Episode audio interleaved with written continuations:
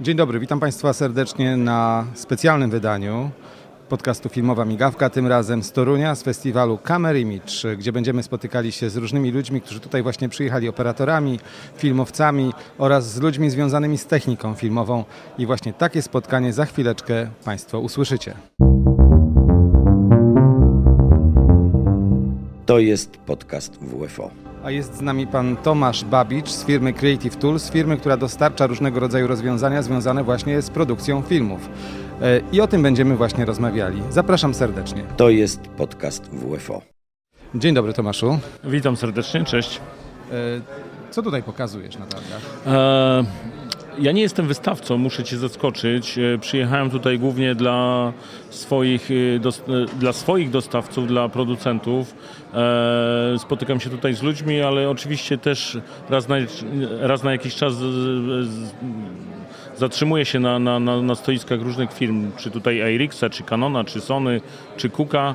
E, Od razu powiem, że nie jest to lokowanie produktu, ponieważ te produkty to są wybitnie nie dla indywidualnego odbiorcy. Tak, o jakich w ogóle produktach tutaj mówimy? Jaka to jest skala cenowa? Od tego zacznijmy. Skala cenowa produktów, które tutaj są. Ja myślę, że mogę śmiało powiedzieć, że mamy tutaj, no, skupmy, skupmy się na obiektywach. Mamy tutaj obiektywy od kilku tysięcy złotych do kilkudziesięciu tysięcy euro.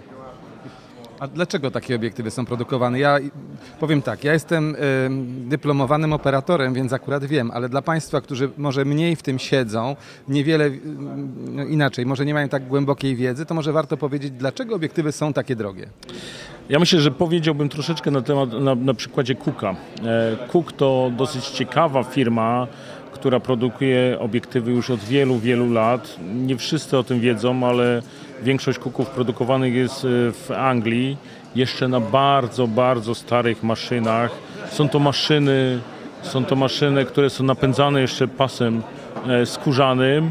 Dostajemy blok, dostajemy blok szkła, który jest polerowany mechanicznie Dziś to jest już troszeczkę inaczej robione. Fujinon, inne firmy robią już to laserowo.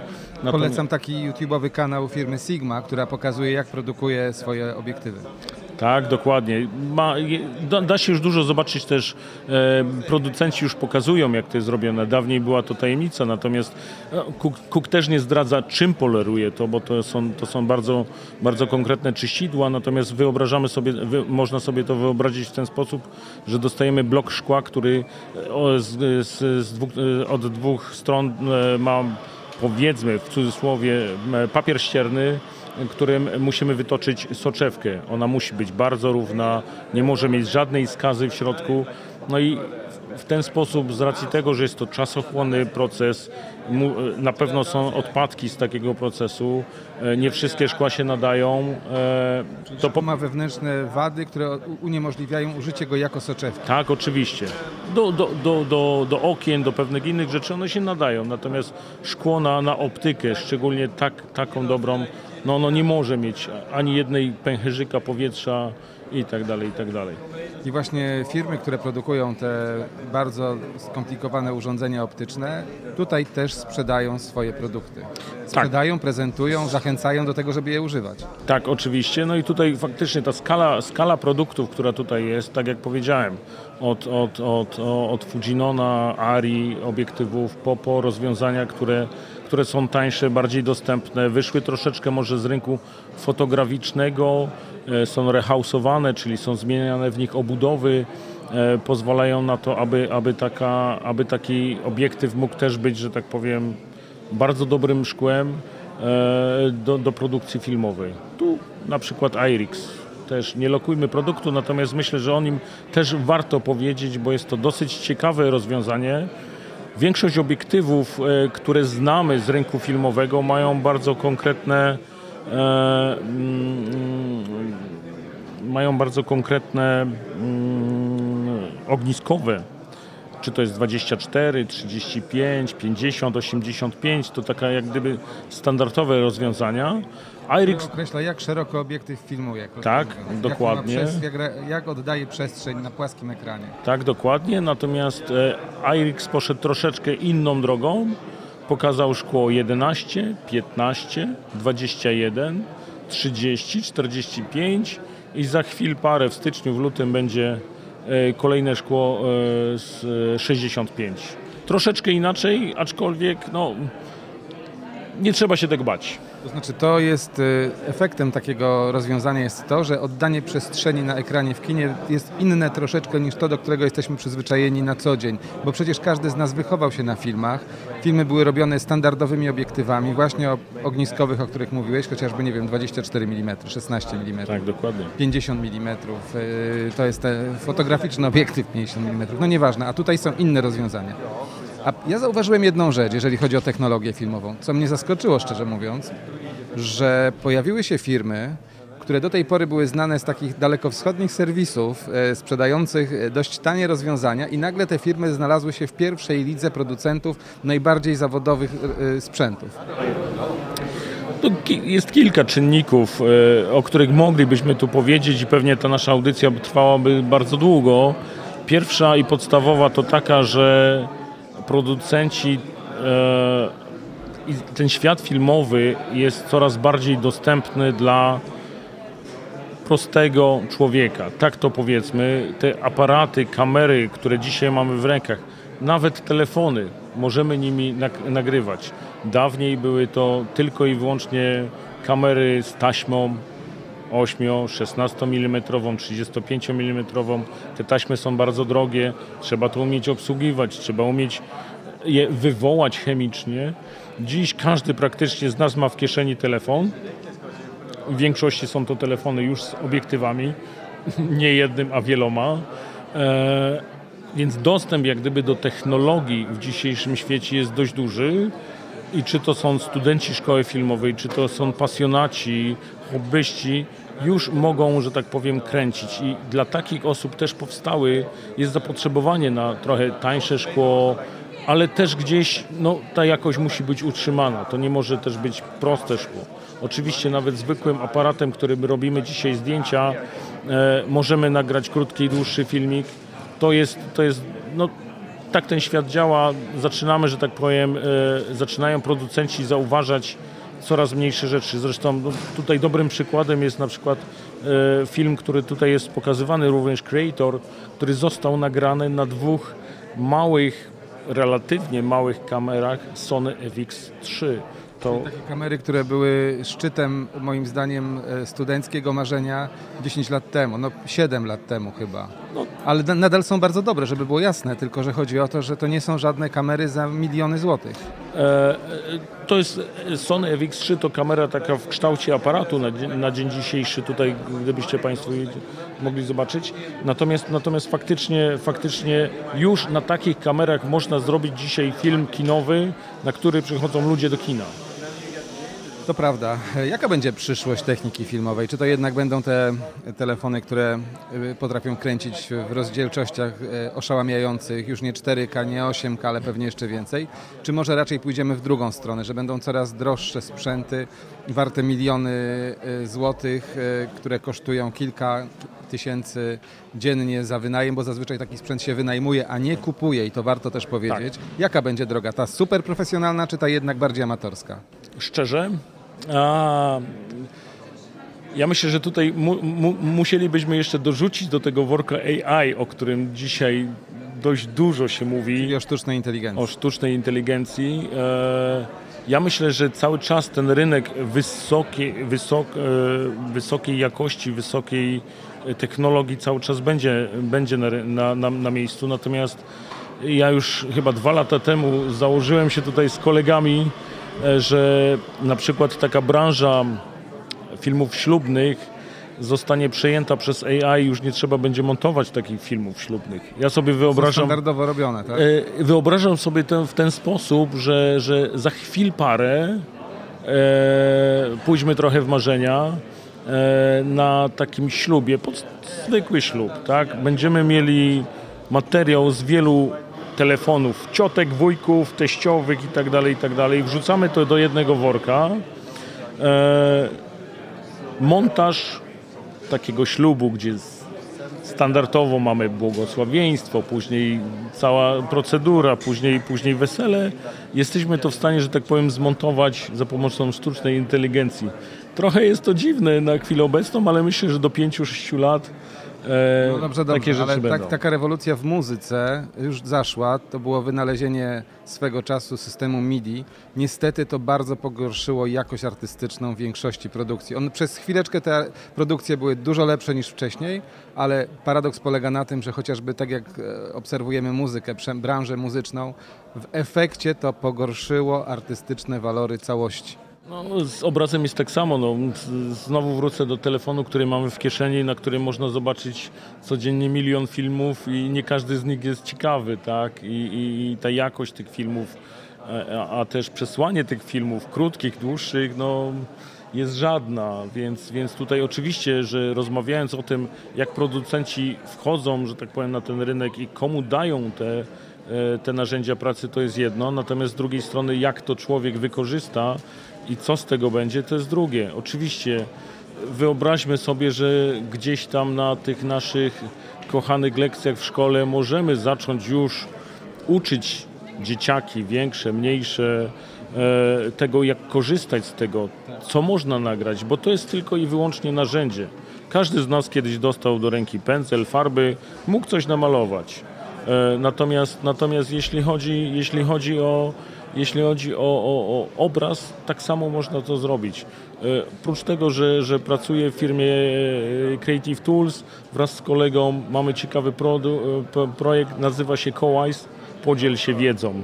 To jest coś ciekawego, co staramy się, zaczynamy, promujemy, co daje możliwość właśnie takich krótkich wykładów i w szkołach, i, i, w, i, w, i w, pewnych, w pewnych miejscach, gdzie trochę tej wiedzy możemy przekazać, natomiast no, jest to głównie związane z tym, żeby uczyć ludzi tego, co dzisiaj mamy, tak? I na tym poprzestańmy w tej rozmowie. Dziękuję Ci Tomku za tą rozmowę. Jesteśmy na Camera Image, a naszym gościem był przedstawiciel jednej z firm, która tutaj się e, wystawia, czyli firmy Creative Tools. E, To jest, e, jak to się nazywa? Market? E, Creative, ma- creative, Creative Market, czyli miejsce, gdzie filmowcy poznają nowe technologie, zapoznają się z, e, również ze sprzedawcami, czy też wynajmującymi podobne sprzęty. E, I to jest takie miejsce, gdzie można się wiele nauczyć. Dziękuję Ci jeszcze raz za rozmowę. Dziękuję również. A my po raz kolejny witamy się na festiwalu Camera Image w roku 2023 na 31 edycji, chociaż podobno nie powinno się mówić edycji e, festiwalu, a jest z nami wybitny reżyser, gość tego właśnie festiwalu, pan Krzysztof Zanussi. Dzień dobry panu. Dzień dobry. Jak e, ocenia pan tegoroczny festiwal? Proszę pana, ja jestem gościem i to jeszcze gościem nagrodzonym, to cóż ja mam do oceniania? Ja wiadomo, że mi się ten festiwal już z natury rzeczy podoba, ale ja go bardzo lubię nawet kiedy nie jestem nagradzany i kiedy nawet czasem nie byłem w stanie przyjechać. Ten festiwal się naprawdę zakorzenił, jest oryginalny, jest jedyny w swoim rodzaju, jest chyba na tle całej takiej polskiej panoramy festiwalowej no jedyny o takim międzynarodowym wymiarze i to się udało rzeczywiście Toruniowi zrobić po wszystkich wędrówkach, bo przecież festiwal wędrował, ale zachował swoją tożsamość i to jest nadzwyczajne, to naprawdę oglądam to z podziwem. Oczywiście wiadomo, że festiwale są pochodną tych, którzy je prowadzą, więc to jest festiwal pana Marka Żydowicza i bez niego nie mogę go sobie wyobrazić po prostu, bo to, to, to, to się nie da tak utrzymać po, po takiego charakteru festiwalu, jeżeli się nie jest jego prawdziwym twórcą, który to naprawdę wymyślił. Jaki film teraz będzie pan oglądał? Bo widzę, że pan się śpieszy, nie chcemy pana też... No, gonię rzeczywiście, żeby, bo to rzadko kiedy mam tyle czasu na filmy. Tym razem chcę zobaczyć film pana Fabickiego, bo go nie widziałem z polskich filmów. Widziałem przed chwilą film pana Scorsese, który wydał mi się bardzo ciekawym. Obejrzałem Znachora, którego pewnie inaczej nie obejrzał. Podziwiałem na- nadzwyczajną staranność scenografii. Mniej może byłem zachwycony stroną literacką, ale to nie jest powieść, którą bym chętnie czytał. Natomiast y, no, nadganiam różne braki, bo wielu filmów nie zdążyłem zobaczyć, jak były na ekranach. To teraz staram się to wypełnić. Dziękuję panu serdecznie za to spotkanie w locie, bo ja pana złapałem pomiędzy. To prawda, z krótkim oddechem. Dziękuję serdecznie. Dziękuję Wytwórnia także. Filmów Oświatowych, Filmowa Migawka, podcast. Y, Dziękuję jeszcze raz za spotkanie i dziękuję, że pan znalazł czas dla nas. To oczywiste.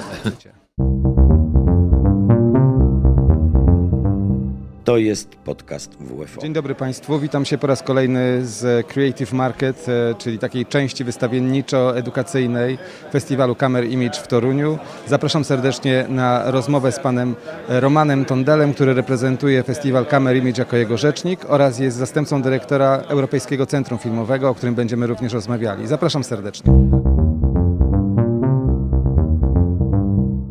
Panie Romanie, co to jest to Europejskie Centrum Filmowe? E, Europejskie Centrum Filmowe Camera Image to instytucja kultury, która jest współtworzona przez Ministerstwo Kultury i Dziedzictwa Narodowego, Miasto Toruń i Fundację Tumult. E, to jest tak naprawdę idea, która prezesowi Fundacji Tumult Markowi Żydowiczowi, czyli pomysłodawcy festiwalu Camera Image towarzyszy od, w zasadzie od początku istnienia tego festiwalu. Czyli... Bo ja nawet pamiętam, kiedy w Łodzi była ta impreza w Teatrze Wielkim, kiedy byłem studentem, już tak dawno, że szkoda mówić to już wtedy była mowa o tym, żeby budować e, to centrum. Ono między innymi w Łodzi miało powstać swego czasu. Co więcej, tak naprawdę pierwsze pomysły, by takie centrum powstało, pojawiły się już w Toruniu, czyli tak naprawdę w miejscu, w którym festiwal się narodził w roku 1993. I już e, kilka lat później e, w zasadzie było bardzo blisko tego, by takie centrum w Toruniu powstało. To się nie udało. Później rzeczywiście ten pomysł gdzieś towarzyszył prezesowi Żydowiczowi także w Łodzi, a później w Bydgoszczy. Najbliżej chyba było w Łodzi tak naprawdę. Sam Wcześniej projekt Franka Hagerego, dokładnie. No to, to są takie czasy, do których często się wraca. Natomiast teraz no, jesteśmy dużo dalej, jeżeli chodzi o realizację tejże wizji, bo nie tylko udało się powołać instytucję, która ma zbudować siedzibę w której będzie można organizować nie tylko festiwal e, Energa Kamer Image w takiej formule rozbudowanej zdecydowanie, bo ci, którzy biorą udział w tym festiwalu wiedzą, że ta infrastruktura, w której funkcjonujemy teraz nie pozwala na, na, na dalszy rozwój. No tak naprawdę te ograniczenia sprawiają, że ten festiwal dalej e, no, może się e, rozwijać tylko do pewnego momentu, a dalej pewnych, pewnego etapu nie da się przejść.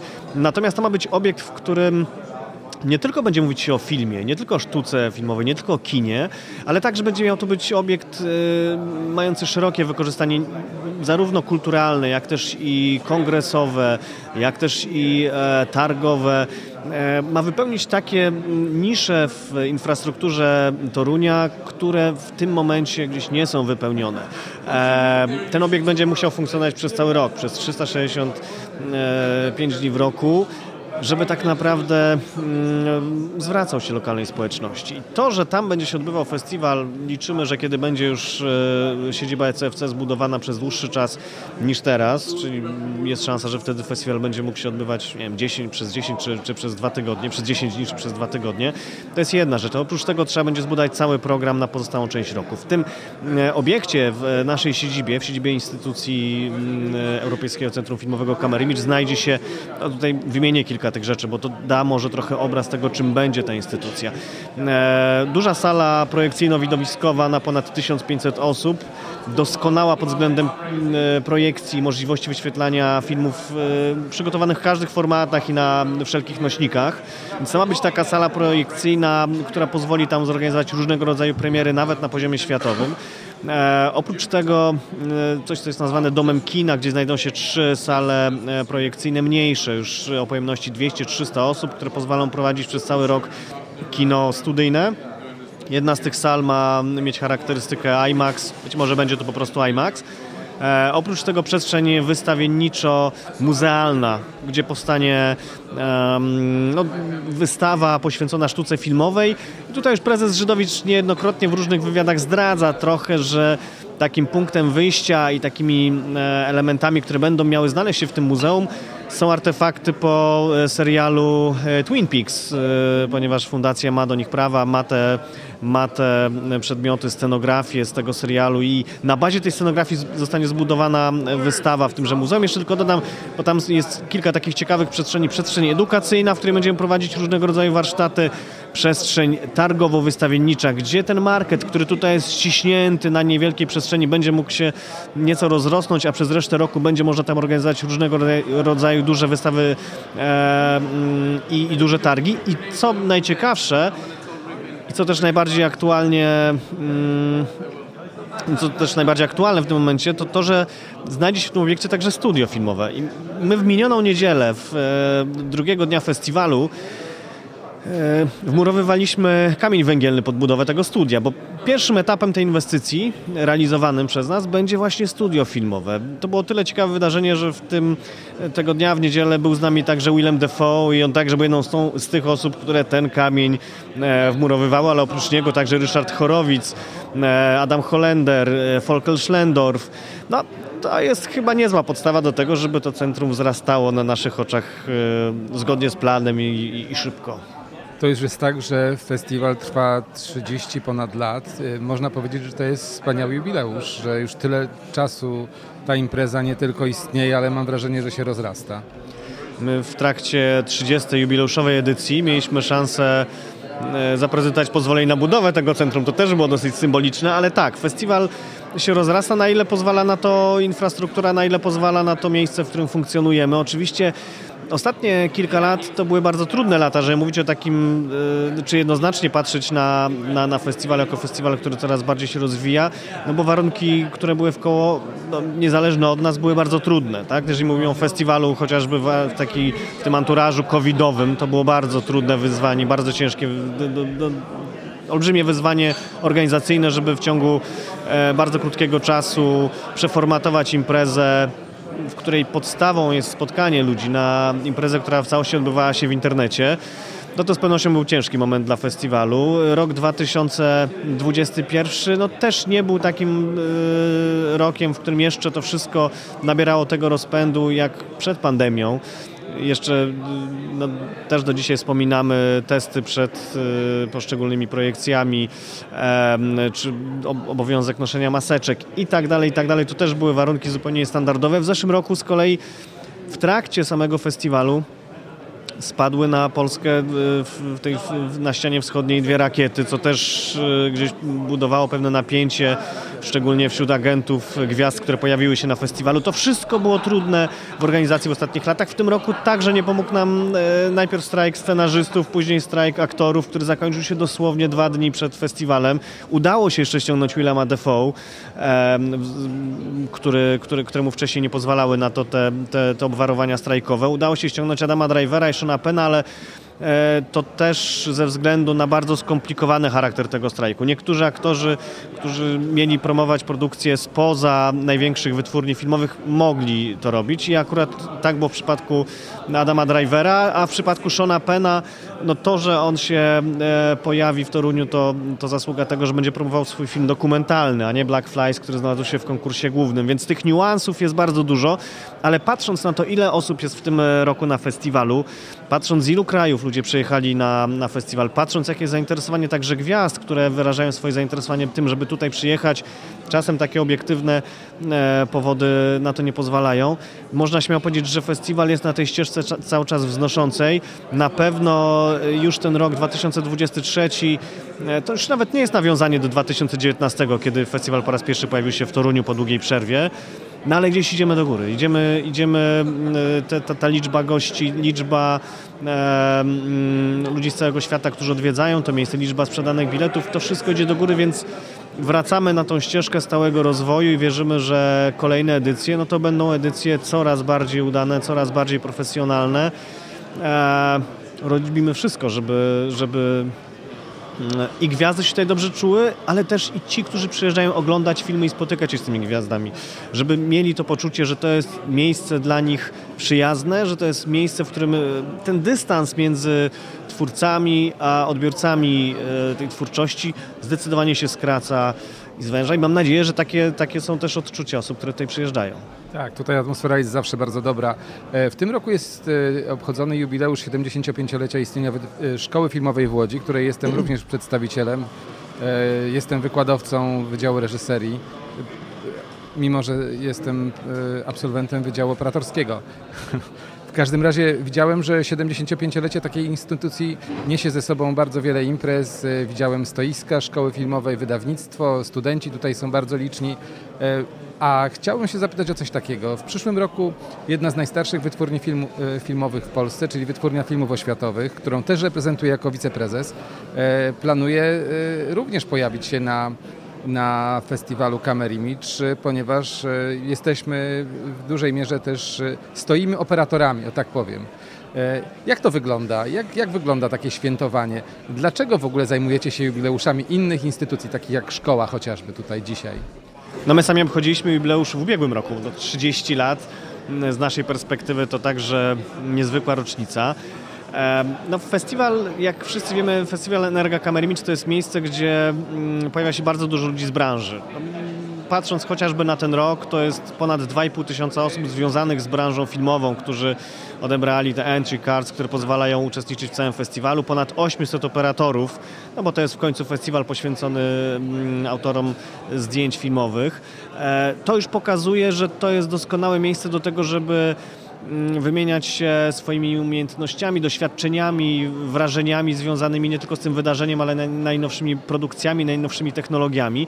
I wydaje się, że zupełnie naturalne jest to, że w takim wydarzeniu, w takiej sytuacji, też przy, takiej, e, przy takim jubileuszu, takiej rocznicy, e, no to też jest doskonała szansa do tego, by pochwalić się swoimi osiągnięciami e, przed ludźmi z branży, przed ludźmi, z którymi można nawiązać wspólny język, też pewnie na kilku różnych poziomach i tym e, gdzieś związanym z pewnymi odczuciami, emocjami po projekcjach, ale także i tym takim mm, e, zawodowym, tym, w którym jesteśmy w stanie wymieniać się e, swoimi doświadczeniami. E, Więc wydaje mi się, że to stoisko e, i to miejsce, gdzie, gdzie łódzka szkoła ma szansę się prezentować, w końcu A być może i WFO. Dokładnie. No tak, tak, tak, tak. No tutaj, tutaj nasze drzwi otwarte są na różnego rodzaju inicjatywy i to jest jeden z dowodów na to, że to jest, że to jest możliwe. Em, no, to jest doskonałe miejsce, by, by, by o, tej, o tych swoich osiągnięciach rozmawiać z ludźmi z całego świata. Bo w tym roku do Torunia przyjechali reprezentanci 72 krajów, więc no, to, co robiła łódzka szkoła, to co, to, co Państwo e, robicie i będzie szansa też pewnie zaprezentować te osiągnięcia, może dotrzeć do bardzo szerokiego grona odbiorców. Dziękuję panu serdecznie, dziękuję za to spotkanie. E, Rozmawialiśmy z panem Romarem Tondelem, który jest e, reprezentantem organizatorów, jest rzecznikiem prasowym festiwalu Kamerimicz oraz jest wicedyrektorem? Wicedyrektor. Wicedyrektorem Dyrektora. Europejskiego Centrum e, Filmowego, które właśnie mieści się w Toruniu i buduje się, w tej chwili się już buduje. Dziękuję panu serdecznie Dziękuję za bardzo. rozmowę. Dziękuję.